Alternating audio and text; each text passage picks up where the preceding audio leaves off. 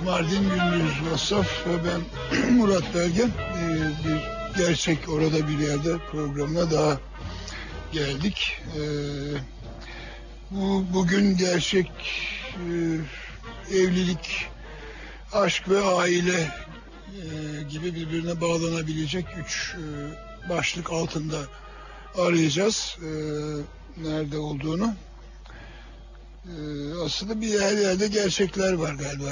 Bir tane değil de bir gerçek var. Bu da belki böyle bir şeyi e, daha böyle bir vurgulamaya yatkın bir konu. Çünkü bu saydığım üç şey işte evlilik, e, aşk ve aile e, birbirleriyle bağlantılı tabii. Ama bu insan hayatının iki vazgeçilmez boyutu zaman ve mekan. Şimdi mekan olarak hani baktığımızda aynı zamanda ama değişik mekanlarda baktığımızda aşk dediğimiz şey de çok farklılaşabiliyor. İşte evlilik biçimleri, anlayışları farklılaşabiliyor. Ve haliyle tabii aile biçimleri değişebiliyor ve aynı şeyi zamanda baktığımızda yani bu sefer bir mekanda ama farklı zamanlarda baktığımızda gene ayrıştığını görüyoruz. Toplumun başka şeyleriyle, genel ideolojisiyle, maddi yapısıyla, teknolojik aşamasıyla birçok birçok şeylerle bunların da değiştiğini görebiliyoruz. Ee, bugün tahminim benim e, biraz hani bu farklılıklar üstünde duracağız. Yani nerede nasıl aile tipleri görüyoruz, nasıl aşk anlayışları e, tanımışız şimdiye kadar dünyada. E, aile biçimleri vesaire. E, bir de diyorum bitirirken biraz bunun geleceği üzerine spekülasyon yapalım. Çünkü işte yani gene insanın e, en temel e, ayrımı kadın ve erkek. E, bunların bir araya gelmesi. E, dolayısıyla da işte e, şey toplumun en temel kurumu dediğimiz aileyi ortaya çıkar. Bu tabii biraz konservatif bir şey. Evet. E, muhafazakar bir şey bu aile vurgusu ama işte bakıyoruz tarih boyunca da bir biçimde var. Yani şekiller değişiyor, şu oluyor, bu oluyor ama e, kurum orada onsuz da olmuyor. E, peki bütün bu evrimden sonra evrim diyebilirsek ya da değişim zincirinden sonra yani geleceğe baktığımızda bu kurum devam edecek mi nasıl edecek? Ee, şimdiden öngörülebilecek bazı şeyler var mı? Yani onlarla bir, e, da bir biraz spekülasyon olsun. Öylece de e, bitirelim diye düşünüyorum.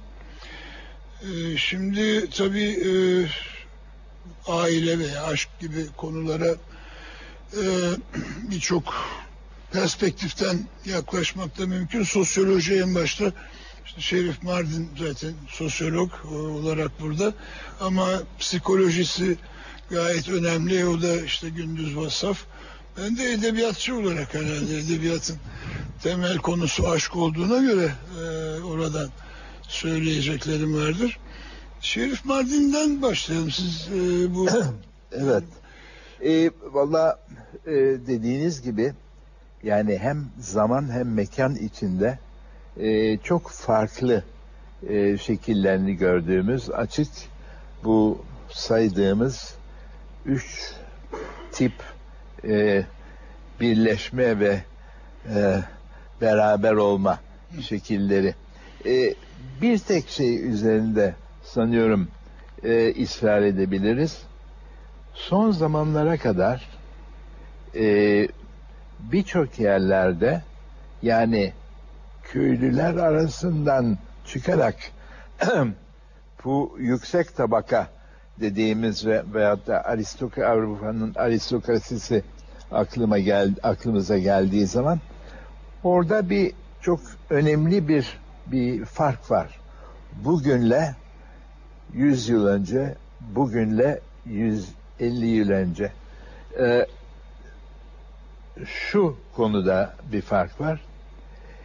Bugün evlilik dediğimiz zaman evlilikle aşk tabii olarak bir birbirini bulan e, bir elmanın iki parçası gibi e, düşünülürse de Tersini söyleyenler de var ama. eskiden beri tersini söyleyenler daha çok. Hı. Çünkü e, muhafazakar kelle içinde diyebileceğimiz e, topluluklarda e, çok fazla mesela evlilik müessesesini alalım. Yalnız onu alıyorum. Evlilik müessesesi içinde çok fazla birbirini sevmek ve birbirine e, ne bileyim yar olmak falan gibi konular e, şeyde yoktu. E, e, ritüelde yoktu. Böyle bir beklenti yoktu değil mi? Yani Böyle böyle, bir böyle beklenti yok. diye. O beklenti şuydu. e, evlilik bir bakıma bir e, sorumluluk olduğu için evliliğin sorumlu, sorumluluklarının aşktan önce geldiği fikri vardı. Hı. Ve bu e, şeylerden e, başlamak üzere Avrupa'yı şimdi e, a- anlatmaya çalışıyorum.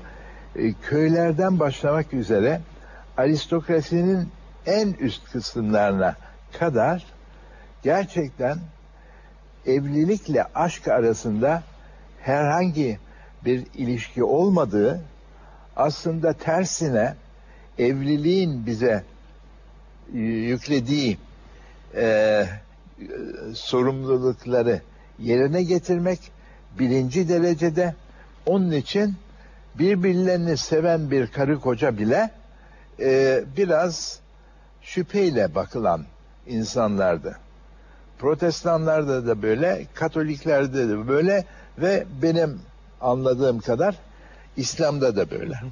Bilmiyorum ne diyorsunuz bu konuda? Yani hem fikrim tabii sizde. Yani bu çağdaş, modern, ataerkil bazlı evlilik müessesesi olmayacak duaya amin gibi geliyor bana. Çünkü evlilik var. Evliliğin içinde aşk bekleniyor, çocuk bekleniyor, seks bekleniyor ve mal mülk de bekleniyor. Şimdi bu beşini yan yana getirince bir özgürlük mücadelesi başlıyor. Ee, yani bir o insan ilişkilerinin mal mülkten özgürleşmesi söz konusu. Kadının ataerkil ailede özgürleşmesi söz konusu. Ee, bir de evliliğin bir müessesi olarak dinden ve devletten özgürleşmesi söz konusu.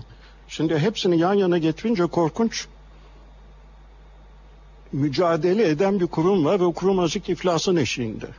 Onun için de boşanmalar zaten çok artıyor. Ee, müsaade ederseniz ilk Şerif Bey'le tanışmamı anlatayım.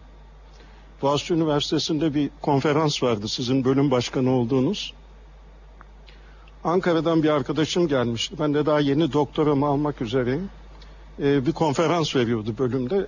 Konferansın adı Türkiye'de alkolizm, intihar ve boşanma. İşte konuştu arkadaş. Ben de sonra söz aldım. Dedim ki güzel işte hoş konuştun fakat anlamadığım bir şey var. İntihar hayatın sonu. Yani sağlıksız bir şey. Alkolizm de bir tür hastalık. Ama boşanma son derece sağlıklı olabilir dedim. İşte toplantı bitti. Çıkıyordum arkamdan omzumda bir el Şerif Bey bizde hoca olmak ister misin dedi. Şimdi iflasın eşiğinde olan bir kurum ve onun için de boşanmalar çok artıyor. Azıcık bu kurumu tartışacağız herhalde. Yani nereden nereye geldi diye. Senin boşanma sözünden bir çeşit evlilik başlamış yani şey. Evet. e, değişik tarz bir evlilik. Yani e, hayat boyu söz veriliyor. Geçen gün noterdeydim İstanbul'da. Cuma günü. E, yabancı bir kız ve Türk erkeği evlenmek istiyorlar. Ve bir sözleşme gerekiyormuş evlilik öncesi mal mülkle ilgili. Diyorlar ki kıza tercüman aracılığıyla İşte şimdiye kadar senin adına hangi mal mülk varsa evlendikten sonra da senin kalacak. İşte kocanın da öyle, müstakbel kocanın da öyle.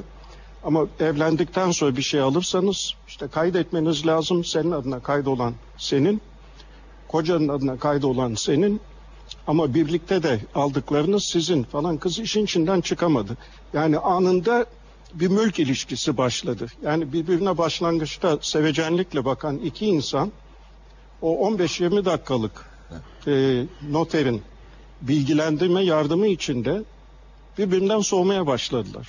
Yani evlilik ilişkisi müstakbel evlilik ilişkisi gider gibi oldu. Başlamadan bitti mi belki de başlamadı.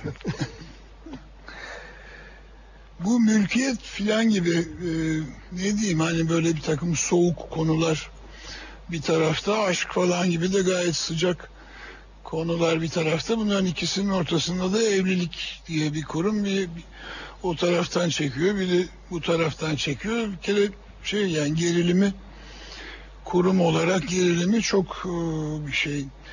E, şey düşündüm ben şimdi sizleri dinlerken e, aslında hala bizim de yani Türkiye'de olmamıza rağmen bir miktar içinde olduğumuz şeyden ötürü batılılaşmanın da e, yıllardır içinde olduğumuz için e, Avrupa'dan çıkan bu amur kurtuaz orta çağın saray aşkı e, falan kavramlarını.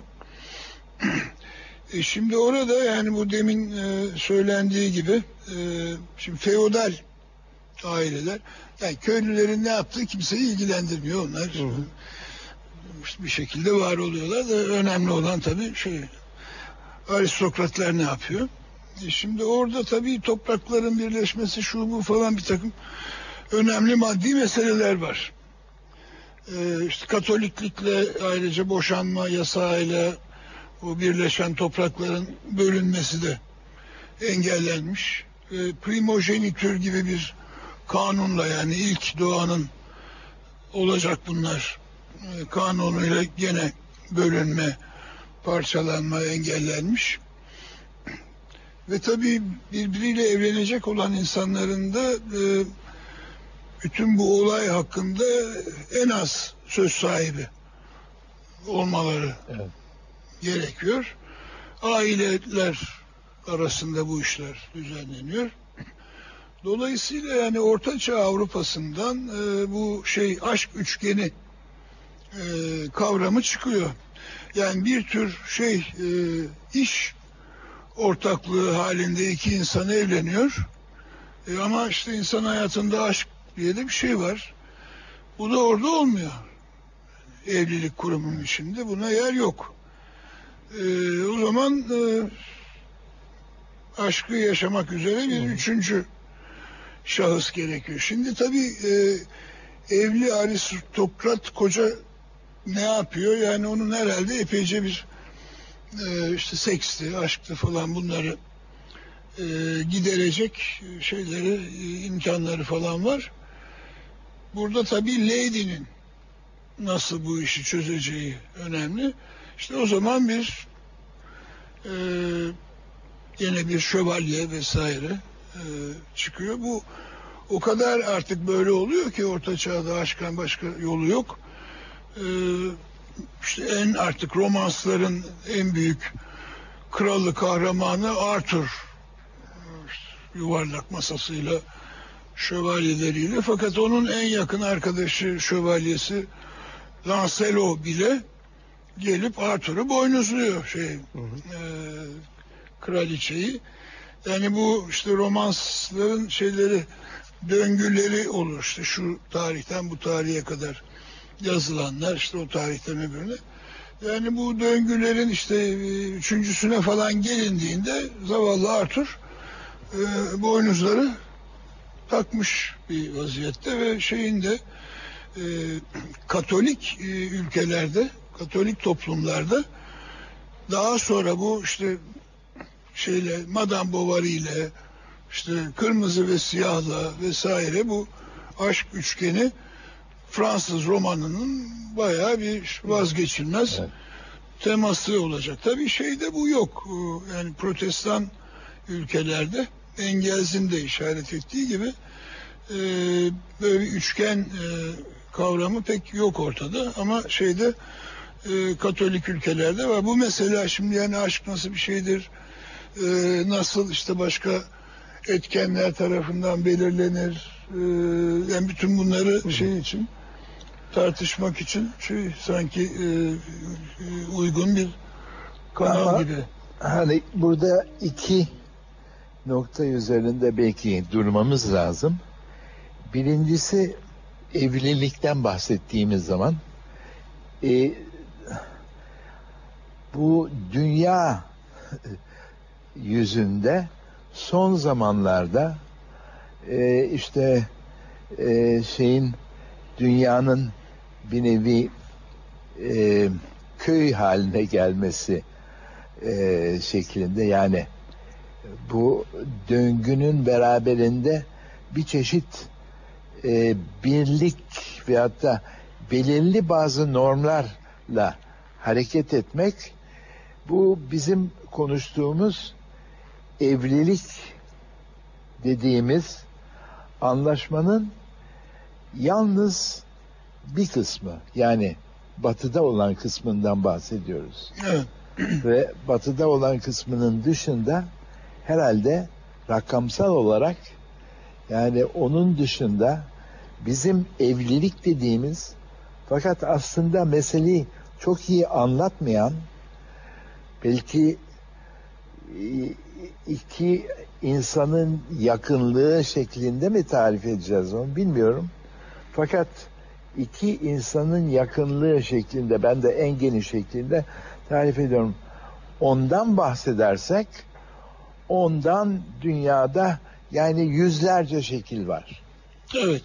olabilecek. Yani onun için burada e, bir kere bizim batıya bakarak e, yavaş yavaş bize gelmiş olan bir müessese e, olduğunu e, düşünmek lazım. Bu bence bir e, bir ile bir bakıma bir ilerleme e, olabilir. Yani bizim e, kanunlarımızda Aşkı belirli bir formata göre tarif etmiş olmamız medeni kanunda da belirli bir formata göre e, anlat, anlatmış olmamız aslında o formatın evrensel bir format olmadığını insanın ha, Sizi ben burada keseyim şey e, reklam vaktimiz geldi. Bu aşk maşk tanımıyor biliyorsunuz.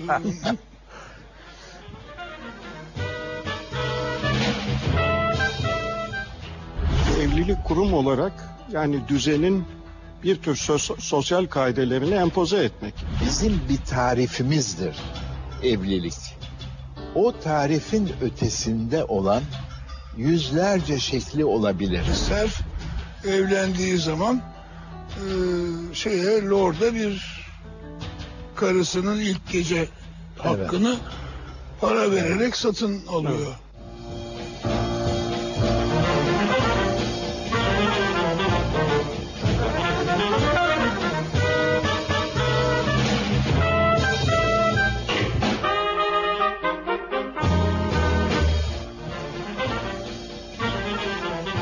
efendim kaldığımız yerden devam ediyoruz. Ee, Şerif Mardin'de kalmıştık. Evet türlerini e, türleri aklıma geliyor. Şimdi buna evlilik mi mesela evlilik diyoruz ama e, evlilik çok özel bir şekli bu insanların birleşmesinin e, aile kurmasının e, aile kurması belki hani daha geniş bir şey ama e, genelde bizim kanunlarımızda olan ve Türkiye Cumhuriyeti'nin e, esası olan kanunlarımızda e, Batı'nın çok açık bir e, etkisi var. Ve İsviçre bakımın- Medeni Kanunu. Evet İsviçre Medeni Kanunu. Yani o açıdan demek istiyorum ki burada evlilik kelimesini kullandığımız zaman bile evlilik kelimesi çok özel bir ilişkiye işaret ediyor. Şimdi bunun aslı neyse insanların birbirlerinin e, yanında e, çalışması, bir aile e, kurması, e, kadınla erkekin erkeğin e, ayrı rollerinin e, tanınması vesaire. Bunların bizim medeni kanunumuzda e, ifade edilen şekilleri aslında çok özel şekiller. Onun üzerinde durmak istiyordum. E, aile şey, e, evliliği bu şekilde tanımlamak e, insan ilişkileri arasında çok belirli bazı kriterleri öne sürmektir. Sizce de öyle değil mi? Kesinlikle yani e, hayata gelmeyecek kriterler yani imkansız kriterler. Ee, yani insan ilişkisini kilitleyen ilkeler Kural, diyebilirim. kurallara bağlamak. Kurallara bağlamak. Çünkü çok- evlilik kurum olarak yani düzenin bir tür sos- sosyal kaidelerini empoze etmek. Yani düzene koymak insan ilişkilerini. Ve özgürlüğü götüren bir şey. Fakat azıcık daha eskiye gitmek istiyorum ben. Yani tanrıların aşkına azıcık gitmek istiyorum. Çünkü bu tek tanrılı dinlere gelmeden önce yani çok tanrılı dinlerde tanrıların da tabii evlilikleri var. Ee, Sen pagansın galiba da itiraf edemedin. Ben aşktan yanayım.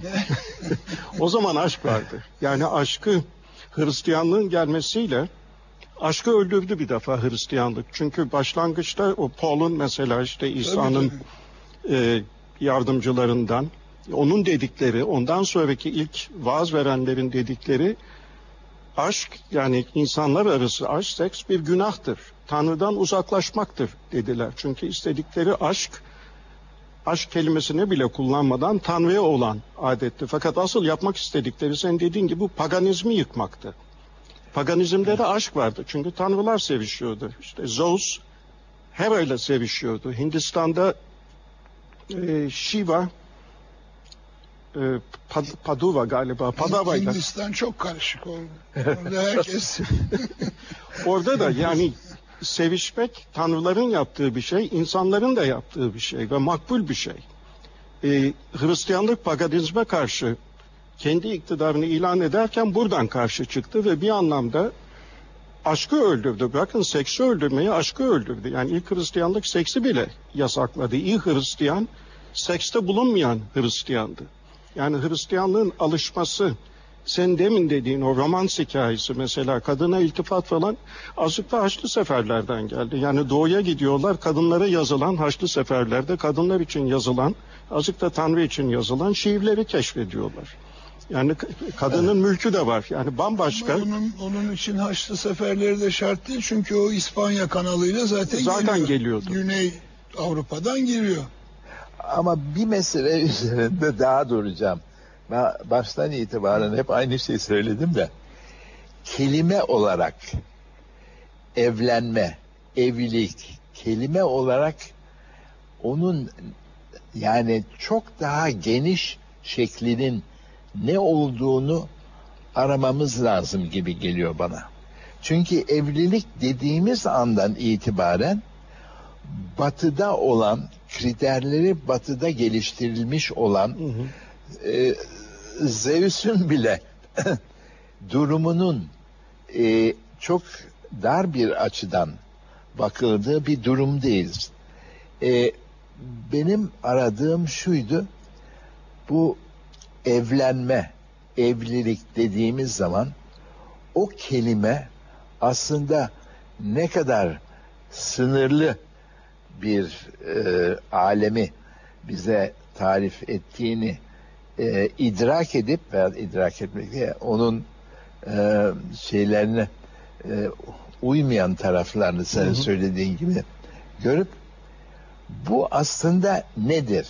Yani insanlar arasındaki ilişkilerin şekilleri A evlilik ama B, C, D, E, Var. F falan var değil Aynen. mi? O zaman biçimlerine bakmak lazım. Yani Evet.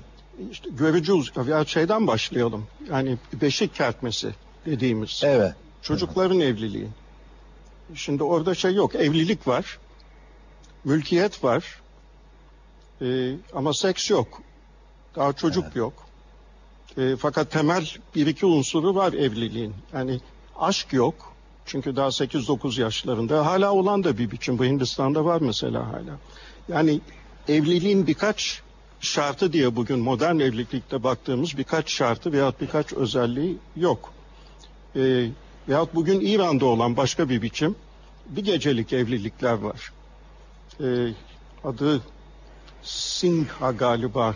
Singha. Önemli değil. Öyle bir şey. Bir gecelik evlilik. Orada seks var Evet. ama mülkiyet yok, aşk yok. Ee, çocuk yok. Ee, ama bir gecelik bir evlilik var. Adı evlilik çünkü. Ee, veyahut O ama biraz artık kalıbına uydurma. Yani bir tek adı evlilik. Ama adı evlilik.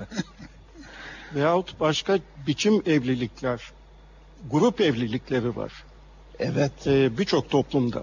Yani erkek kardeşler kız kardeşlerle evleniyor. Ve aralarında hem mal var, hem seks var, aşk olabilir, bazıları arasında olmayabilir veya değişen aşklar olabilir ve çocuk var. Yani bütün kurum devam etmiş oluyor. Yani saymakla bitmez aslında bu biçimler. Ee, Ama bunu aramamız lazım. Yani senin işaret ettiğin nokta çok önemli. Yani bizim bir tarifimizdir evlilik. O tarifin ötesinde olan yüzlerce şekli olabilir. Aynı durumu. Fakat durum iki insanın e, yan yana gelip bir aile kurması mıdır? Ee, yoksa iki insanın hani e, yan yana e, birbirlerini sevip de e, bir aşk ilişkisi içinde olan e, çok mazbut bir evlilik mi e, kastediyoruz? E, Esas bence mülkiyet bence Şerif Bey. Esas yani en temel şeylerden bir tanesi mülkiyet. Galiba evet. Yani erkek bir evlilikte mesela erkek evleniyor. Ee, savaşçı aynı zamanda ve çocuğu olmadan ölüyor. Şimdi bu ailenin mülkiyetin devam etmesi lazım. Ve genellikle oğuldan devam ediyor ataerkil ailede. Çocuğuna geçemediği için çünkü çocuğu yok. Hayali evlilik diye bir şey oluyor. Yani o kas sisteminden veyahut aileden işte amcası olabilir, kardeşi olabilir. Erkeğin karısından çocuk doğuruyor. Ve o doğan çocuk ölen erkeğin çocuğu sayılıyor.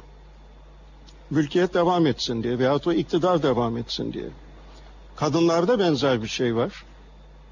Kadın evleniyor. Fakat çocuk doğuramıyor. Bir sorunu var. O zaman gene hayali koca gibi birisi çıkıyor gene o sistem içinden yani kabul edilebilir bir kişi e, kadın hamile kalıyor ve babanın çocuğu kategorisine Evet. geliyor. Yani önemli olan ona mülkün veya klanın veya kas sisteminin devam etmesi. hatta Esasda. erkek arkadaşın bazı topluluklarda hakkı bile kalıyor. Yani erkek o hanımın bir e, kocası var fakat yanında bir de bir e, onun bir sevgilisi var. Sevgilisinin hakkı neyse o kadının doğuracağı çocuğa kadar geçiyor. Şimdi bu bizim hiç anlamadığımız bir durum aslında. Ee, çok liberal diye belki Bizimki en kötü durum Şerif Bey hatırlıyor musun Süreyya ve İran Şahı Pahlavi'yi Süreyya çocuk doğuramıyor diye boşanmaya mecbur kaldılar. Bu demin bahsettiğimiz sistemlerden bir tanesi geçerli olsa başkasından bir çocuk gelecek ve gene o aynı aile devam edecek ve o karı koca boşanmaya mecbur kalmayacak. Yani o kadar kötü, kısıtlayıcı, dar bir sistem içindeyiz ki bu ataerkil sistemde şimdi. Yani gelinebilecek bence evlilik müessesesi en kötü noktaya gelmiş. Yani başka toplumların bulduğu çözümler mülkiyetin devam etmesi için işte çocuğun ailenin haklarını alması için vesaire çok daha insancıl. Evet bi- bir şey söyleyecektim. Şimdi Murat'ın söylediğinin aksini söylemek istemiyorum. Pek tabii ki onun yani belirttiği tarihi gelişmeler bizim hepimizin okuduğumuz e, gelişmeler ve bildiğimiz şeyler. Yalnız bu aristokrasinin, Avrupa'daki aristokrasinin böyle bir romans şeyine girmeden önce, havasına girmeden önce e, gerçekten bu işin yalnız bir mülkiyet değil, bir iktidar, bir zorlama ile birlikte olduğunu ve zamanla bu zorlamanın e, ortadan kaldırılabilmiş olduğunu gösteriyor. O da ne? Fransa'da aristokrat droit de cuissage diye bir şeye sahip. O da baldır hakkı. Affedersiniz. Çok adi bir bir kavram. Baldır hakkı da şu demek.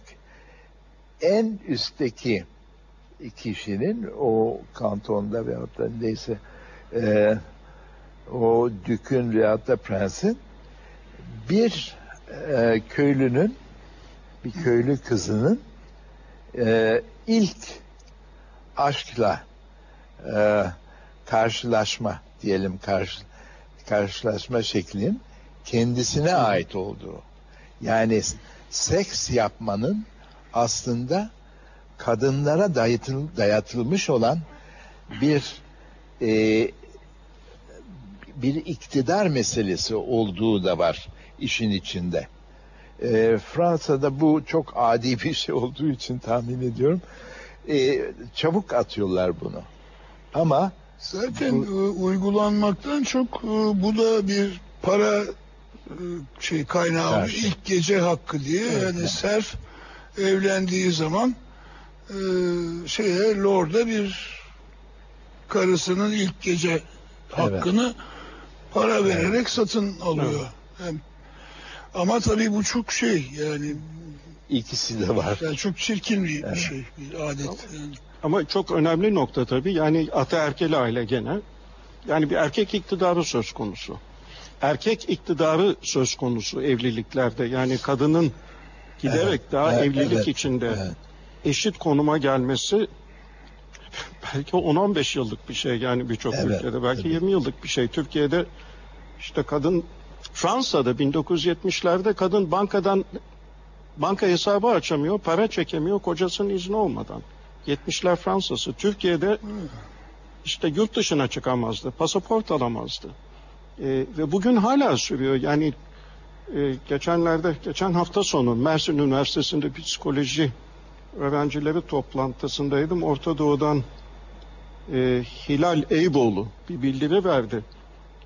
Dayak ve yatak olarak özetleyebilirim. Yani kadın kocasından hem dayak yiyor fakat ayrılamadığı için ekonomik bağımsızlığı yok vesaire çocuklar var. Akşam aynı yatakta yatmaya mecbur. Yani gündüz dayak, akşam yatak. Yatmasa gene dayak. Ve bu hala yaşanan bir şey.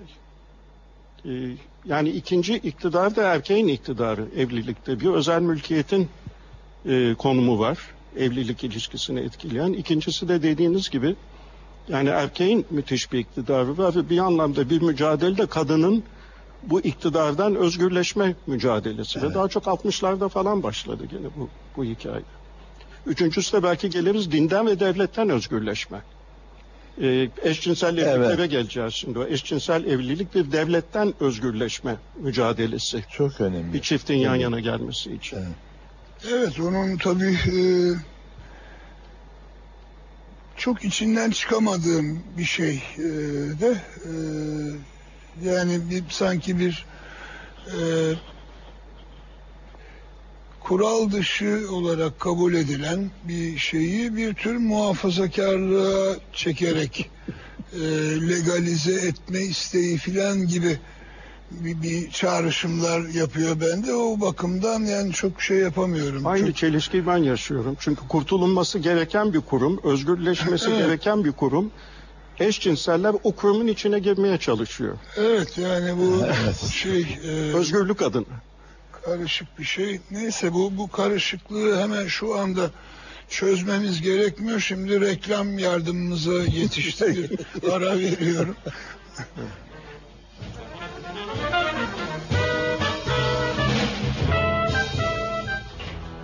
Hristiyanlık öncesi dünyada bir delilik. Evet. Yani vah vah aşık olmuş adam falan. Yani hiç duyulmamış bir şey değil ama yani esef edilecek bir şey. Aşkı tek bir tanıma, bir sözlük tanımını indirgemeye çalıştığımız zaman, kategorize etmeye çalıştığımız zaman insanı aşmış oluyoruz. Aşkın bir kere e, modern bir kategori olduğuna inanıyorum.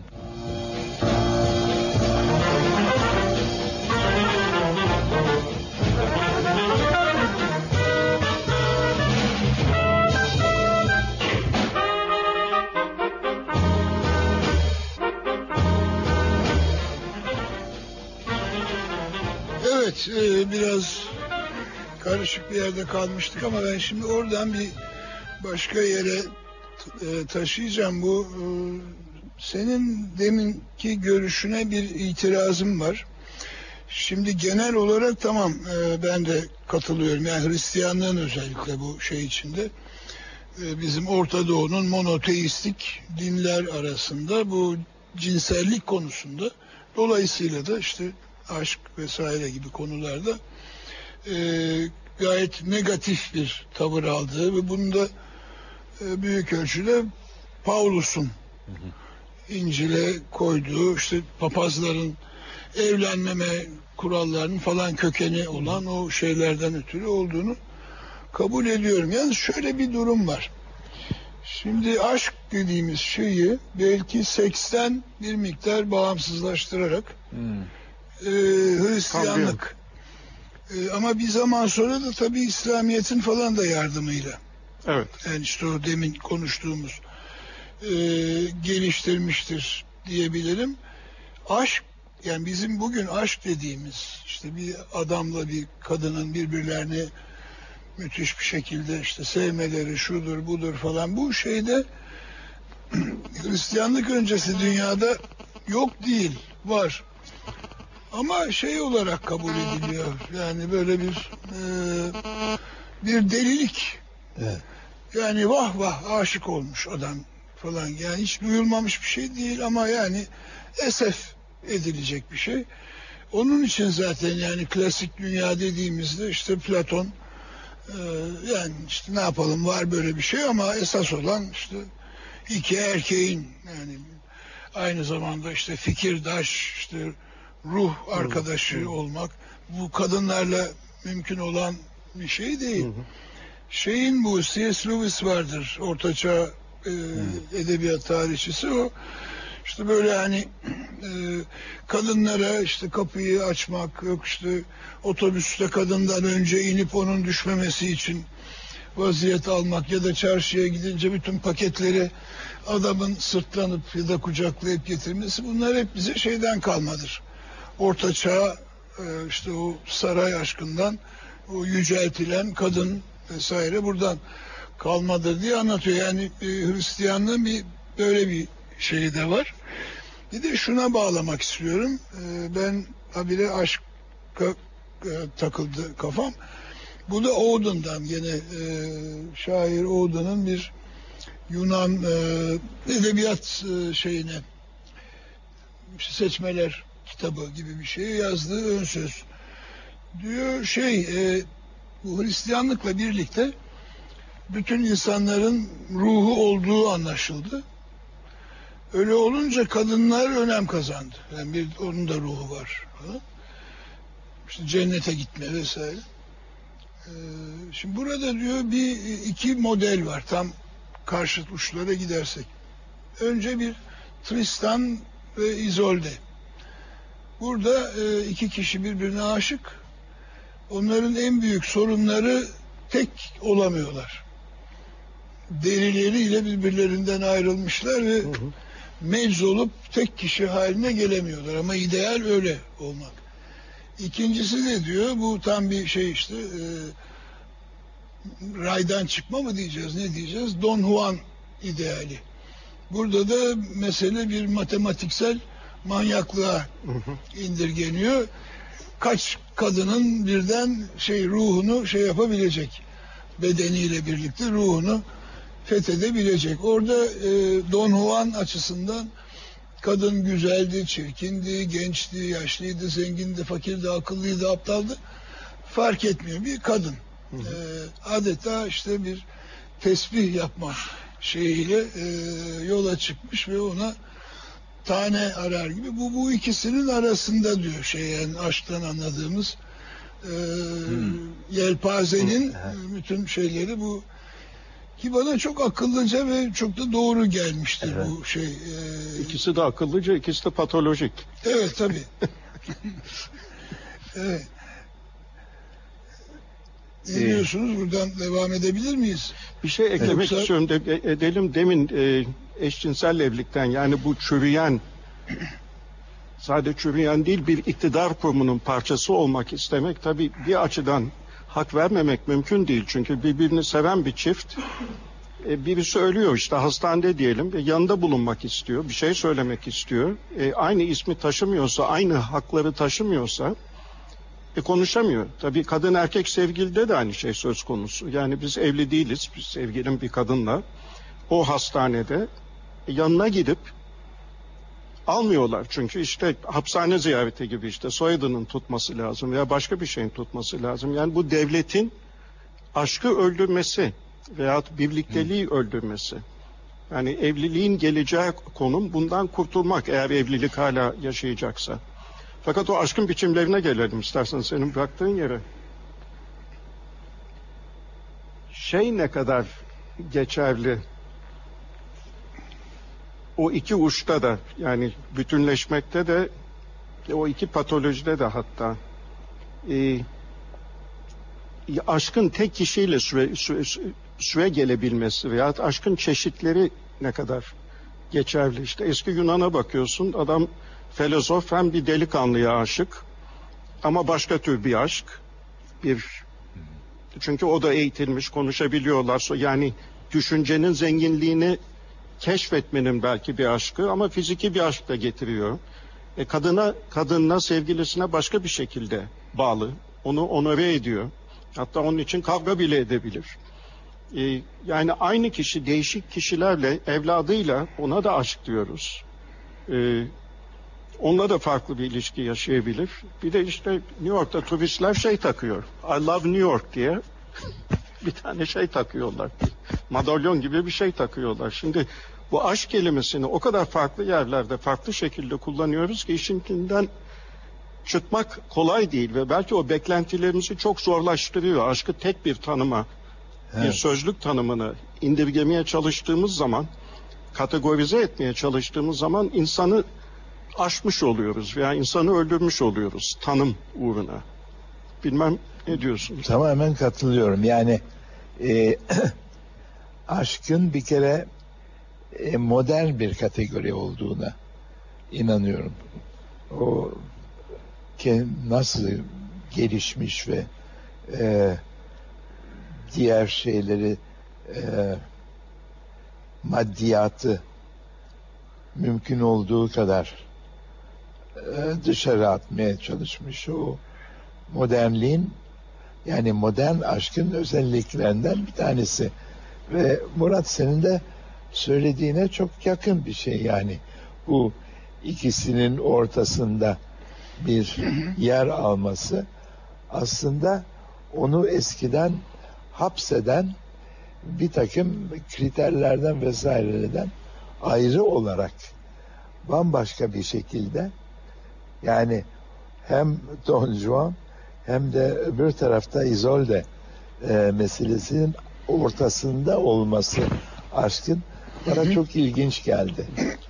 Ve e, çok da anlatıyor gibi geldi. Çünkü gene bu Tristan ve Isolde ve e, aynı zamanda e, kadınları bir tesbih e, üzerinde şey ediyormuş gibi Don Juan e, bunların ikisi de aslında bizim modernleşme dediğimiz hadisenin içinde olan şeyler. Yani modernleşmenin dışında Öyle. bunu görmek onun için ben onu çok önemli sayıyorum. Ama bu bizim bugün düşündüğümüz aşkın bir izahı. Yani aşkın dışında başka aşka benzer veyahut da onun yaptığını yapan e, etkiler veyahut da e, müesseseler var mı şeyine ancak modernlik açısından baktığı zaman cevap veriyor. İşte Yani modernliğin ötesinde ve arkasında aslında bu e, Isolde ve Don Juan ikilemi bulunamıyor. Bu tamamen progresle ilgili bir şey aslında. Hı hı. Ee, onun da progresle nasıl e, ilintili olduğunu belki e, bizim de anlatmamız ve Ay, bu İzolde çok iyi bir örnekti. Yani oradan modern bir örnek vermeye çalışayım. İzolde'den yani bütünleşmek, bir olmak. işte iki e, sevgili adayı, aşk adayı birbirleriyle tanışıyorlar. İşte azıcık koklaşmaya, sorularla birbirlerini tanıyarak koklaşmaya başlıyorlar. İşte sen hangi rengi seversin? Kırmızı. Aa, ben de kırmızı severim. İşte hangi müzik türü? İşte caz. Ben de caz. Şimdi müthiş bir bütünleşme başlıyor. Aynılaşma başlıyor. O aynılaşma kişiliği öldürmek pahasına oluyor. İçindekini öldürmek pahasına oluyor. Ve içeriden ondan sonra bir isyan başlıyor tabii insanın kendisini öldürmesine. O ilk benzeşmeye tepki olarak, olmayan bir tepki olarak. Ee, o zaman tatsızlık başlıyor. Çünkü başlangıçta beklenti yanlış kurulmuş. Yani iki kişinin ayrılığı üzerine kurulmamış. İşte sol beyinli insanlar var, sağ beyinli insanlar. Yani sol yarı kürenin ya da sağ yarı kürenin egemen olduğu. İşte bir tanesi e, sol yarı küre daha düzenli mesela, kuralcı. Sağ yarı küre dominan olan daha yaratıcı. E şimdi ikisi yan yana gelince ne kadar anlaşmak isteseler gündelik olaya bakışları farklı. Bazı kişiler işte sol beyinli diyelim birçok şeyi aynı anda yapabiliyor. Sol egemen, sağ egemen ancak sırayla yapabiliyor. Şimdi eğer bu farklılığı birbirimize tanımazsak ile benzeşmek istiyorsak ve birbirimize benzeyemediğimiz için bunun kavgasını veriyorsak zaten bu yani beklentiler bu izol beklentisi e, çok iyi kurdun onu bir ters bir şey üzerine kurulmuş. E, aynı şekilde bizim Don Juan da ters. Çünkü cinsel arzu başka bir şey, aşk başka bir şey. E, Estonya'da bir köprü görmüştüm. Gençler evlendikleri zaman köprüye gidiyorlar. Köprünün böyle tahta bir sopası var. Kilit koyuyorlar köprünün üstüne ve anahtarı da suya atıyorlar. Korkunç bir şey, imaj korkunç. Ama bunu müthiş bir ilk başta müthiş sevecenlikle yapıyorlar.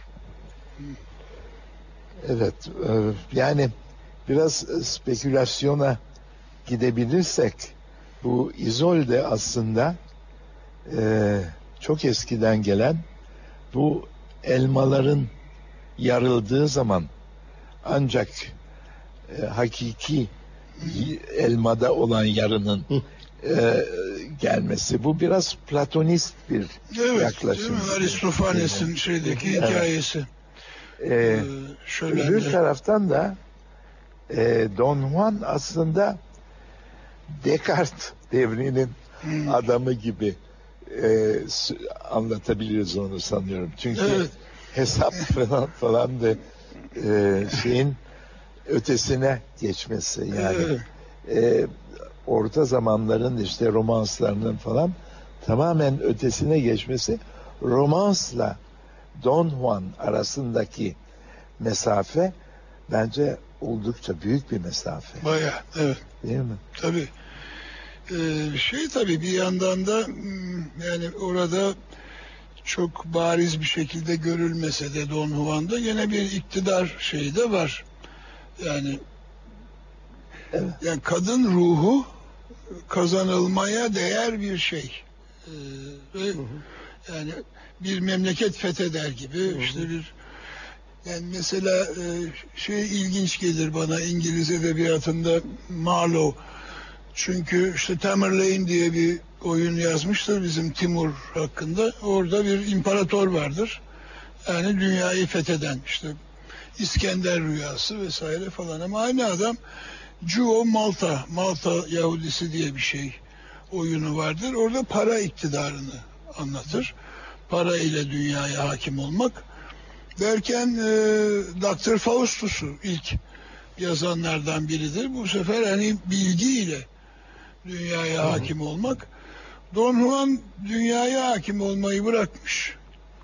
Ama kadın ruhunun şeyi Fatih'i olma konusunda müthiş bir durdurulamaz bir şey içinde. Ee, e, bu epey modern bir şey. Bir projesi var. Ciddi bir projesi. evet. Ee, şimdi e, biraz da şeyden e, söz etmek istiyorum ama çok da vaktimiz de kalmadı. E, son bölümden önce e, şeye lafı getirip e, bizim Tanpınar'ın 19. asır e, Türk Edebiyatı'nın başında divan edebiyatı ile yazdığı, ilgili yazdığı ön sözde. Yani Türkiye'de bu şey e, divan edebiyatında aşk yani ilahi kat, padişah ve sevgili. Bu üçünün arasında gidip gelen. Yani şunu söyleyeceğim. E, Yunus Emre gibi bir e, şey mistik bir şairi e, tanımıyorsunuz, bilmiyorsunuz. E, önünüze bir şiirini koydular. Bana seni gerek seni falan gibi. Şimdi bunun kime hitap yazıldığını anlar mısınız? Allah mı sevgili mi? Ama Evet. bu çok önemli. Çünkü bence bu Allah'a karşı olan sevginin e, insana karşı olan ve biz- bizim hepimizin bildiği hani bu dünyadaki sevgi arasında bu bu kadar büyük mesafeler olmasına rağmen e, mesela yani Mesnevi'yi falan okuyan kimseleri şeyin ortasında bırakıyor. Yani hangisi bu? Allah aşkı mı yoksa başka İşte bir evet. insanın aşkı mı? İnsanı o- Yani ortada dediğinden ben oraya geliyorum ve gerçekten çok zor durumda bırakıyor insanı. Çünkü hep o tema senin de söylediğin gibi Allah aşkı mı, insan aşkı mı? ya Ve- da mal mülk aşkı mı diyerek Evet. şey reklam arasını geç.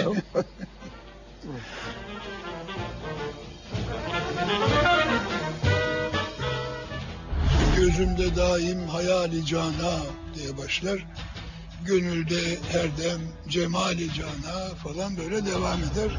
Çocukların çocuk olarak bu dünyada yaşamasının bir özelliği üzerinde durmak mecburiyetinde kalacağız. Doktor Bey, bu aşk hastalığı nasıl bir illettir? Anlatır mısınız? Babam da cevap veriyor. Aşk hastalığı diye bir şey yoktur evladım. Aşık olmama hastalığı vardır diyor.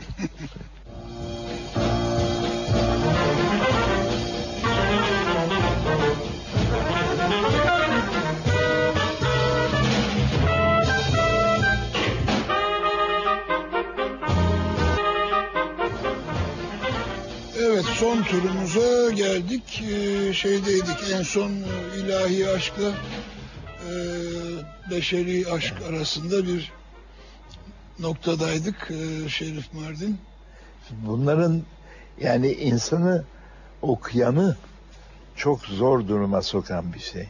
Yani o onun hikaye edilmesini e, anlatan e, işte çok uzun şair, şiir veyahut da düz yazı ile anlatılmış olan şeyler bir de senin vermiş olduğun örnekler onların içinde gerçekten bu Allah aşkıyla insan aşkı arasındaki berzah veyahut da şey bir türlü insanları belirli bir şey getirmiyor.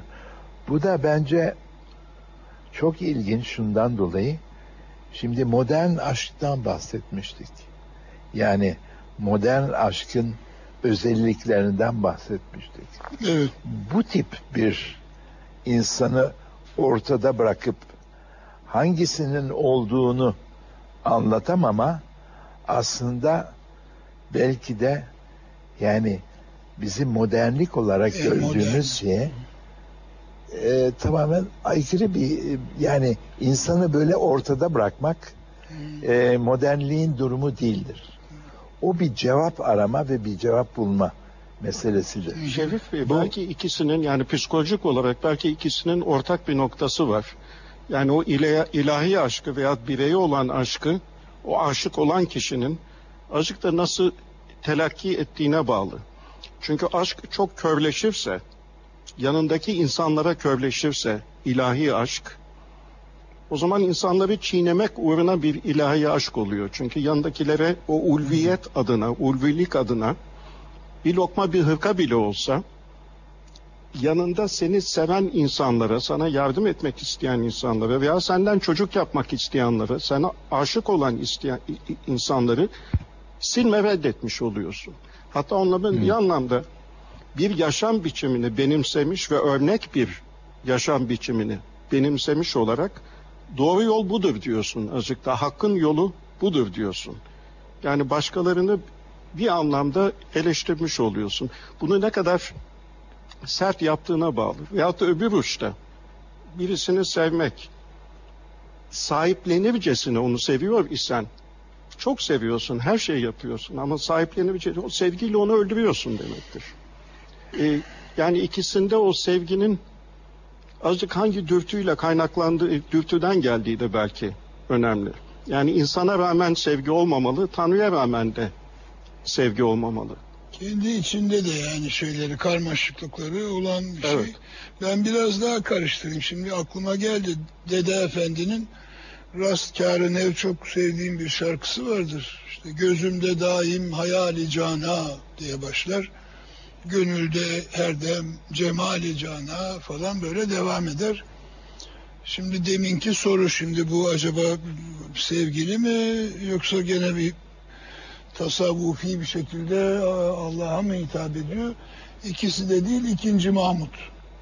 Bu şey gözde ve gönülde herden bulunan yani dolayısıyla padişah da e, karışabiliyor e, kargaşanın içine. Fakat şey demiştim ben bu e, konuyu şimdi değiştireyim diye düşünüyorum hani biraz gelecek istikbal e, şeyi spekülasyonu yapalım. Yani ne diyorsunuz bu, bu kurumun istikbali var mı?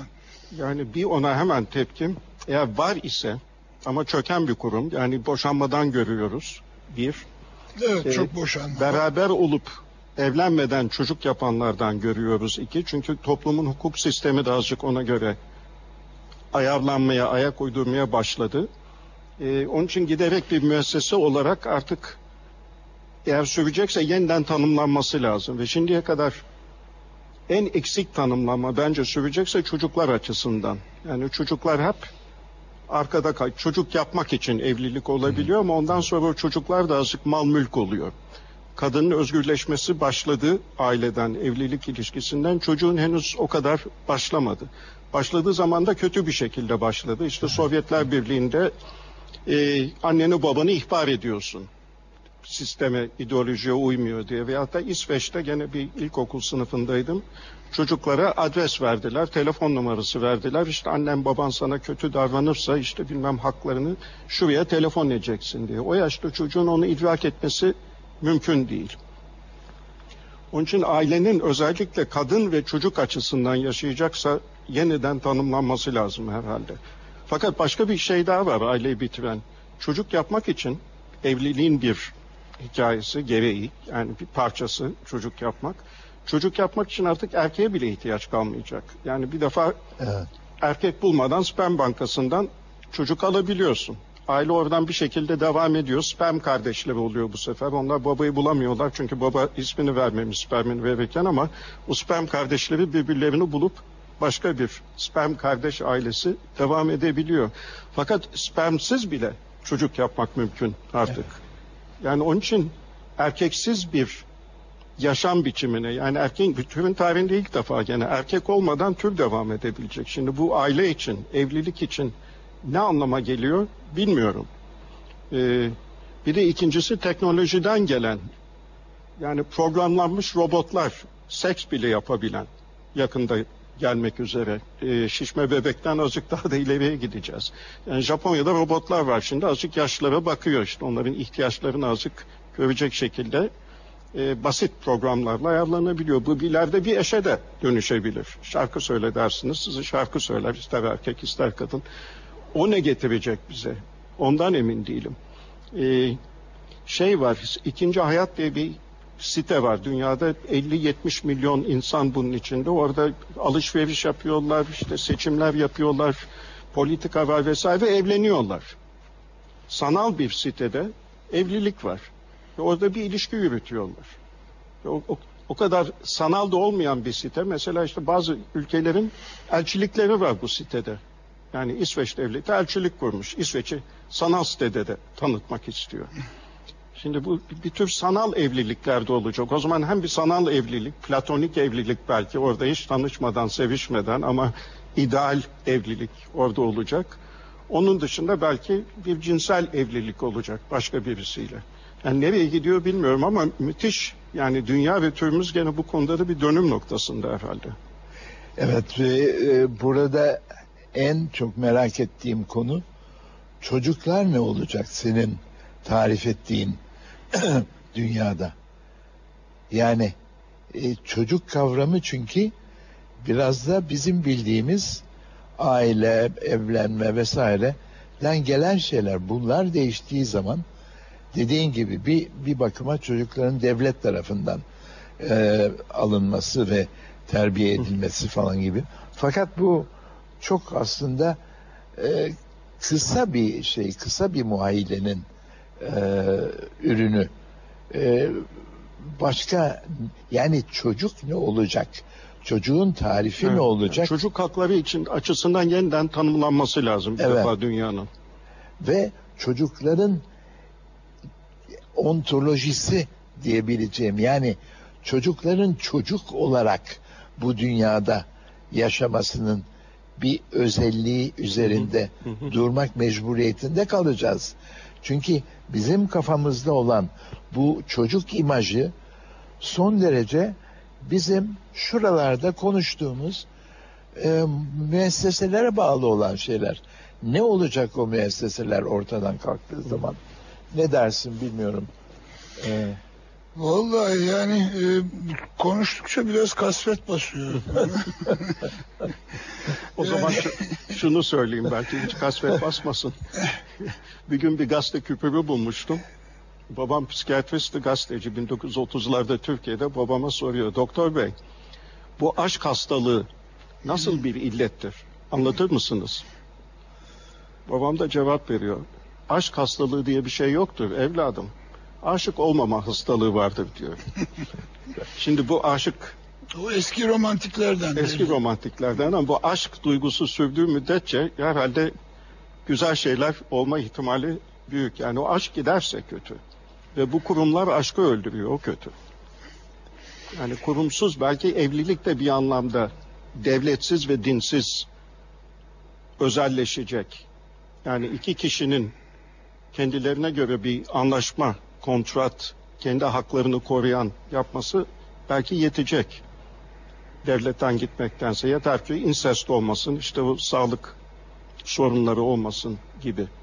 Ee, çünkü yani tek bir standart, tek bir işte biçimin bir topluma zorlanması e, insana layık bir şey değil. Yani insanın özgürlüğüne uygun bir şey değil. Yani herhalde evlilik ilk önce oraya gidecek. Yani Evet. tek bir standart olmayacak. Hele bu göçlerle yani bu göçler aynı zamanda kültür göçleri, değişik yaşantı göçleri, değişik aşk göçleri. İşte Bhutan'da hala Nepal'de, Bhutan'da, Tibet'te polyandri var. Yani bir kadın birden çok erkekle evlenebiliyor ve bu muteber bir şey. Çünkü bunun da bir nedenleri var. Sosyolojik, toplumsal nedenleri var. Yani dünyadaki yeni evlilik anlayışın bütün bunları bir şekilde içermesi ve kabullenmesi lazım. Evet yani yan yana birçok farklı biçimler ama yani bütün bunlar gene şimdi evlilik dediğimiz zaman yani gene işte belirli bir yaşa bir olgunluk çağında bir kadın ve bir erkekten bahsediyoruz ama Şerif Bey'in söylediği çocuklar meselesi e, yani o onun da gene şey yapmıyor. E, yani orada o ev, evliliğin kurumu olan aile şimdiye kadar bir biçimde çocuğun da iyi kötü bir şeyi olmuş. Bir sürü kötü kullanım vesaire var ama yani sonuç olarak bir onu garanti altına alan bir kurum. Şimdi yani o aile denen kurum yerine hani çocuk bakım evi dediğimiz yani içinde hiçbir şey barındırmayan ne bileyim bir sıcaklık falan bana göre yani ne olacak yani e, hepimiz bir, hepimizin çocuklarını aynı şekilde sevmeyi mi öğreneceğiz? Ee, yani böylece aşacağız bunu. Bu da çok zor geliyor bana. Ee, ama bunu yapamazsak o zaman ne yapacağız? Yani o yani çocukları işte ver bir şeye kuruma yani o onu düşündükçe neyse İşte daha çok kadının tanımlaması lazım. teselli buluyorum. Daha çok kadının tanımlaması lazım bunu. Çünkü yani şimdiye kadar o doğurganlık özelliğini taşıyan kadın yani sırf şimdiye kadar hep erkeklerin tanımladığı toplumlardan geldik burada. Yani o çocuğun yeni rolünü de tartışırken kadının daha çok söz hakkı olması lazım. Yeni kurulacak düzende. Evet söylediğin doğru da e, bu kadının söz hakkı ne kadar ağırlıkta olan bir şey. Yani bizim medeniyetimizde, bugünkü medeniyetimizde ve e, ne kadar geriye ittik e, kendisinin e, toplumda Hmm. bir sözü olmasını ne kadar zor oluyor. Kadının ağırlığını toplumun çalışmasının içine koymak Çok. değil mi? Evet. Bu Ayşe Paşalı örneği var. Yani öldürüldü kocası tarafından biliyorsunuz Türkiye'de. Kaç defa polise başvuruyor beni koruyun diye. Öldürecek kocam beni diye. İşte hiçbir kimse yardım edemiyor ve kocası öldürüyor kadını. Evet. Bunlar tabii biraz kural dışı durumlar diyorum bir yandan. Bir yandan da yani özellikle Türkiye'de son günlerde hepimiz Evet. farkındayız bu işin ne kadar e, korkunç bir hale geldiğini. Ve yani insanlar hani öyle tesadüfen sokakta bilmem ne falan yani birbirini tanıyan insanlar arasında oluyor bu daha çok. İlle evli olmayabilir ama çoğu evli falan da. Bir de ondan sonra yani öldürüp testerelerle kesmeler bilmem ne falan yani. Ee, hay Allah bu bitirmek zorundayız da yani gerçek e, orada bir yerde olmamalı e, e, diyerek herhalde bitireceğiz programı. Ve e, Murat'ın bana söylemiş olduğu bir şeyi hatırlıyorum bu esnada. Her şeye rağmen Türkiye'deki bu duruma neyse bu duruma gelmemizde kadınların ne kadar rolü olmuştur. Yani pozitif bir rolü olduğunu anlatmıştım. Yani bir bütün olarak kadınların bizim Evet. hani e, ne bileyim ben medeni e, saydığımız bir duruma e, gelmekte ne kadar rolleri olmuştu. İşte sesinizin kısılmasıyla program bitmesi denk geldi.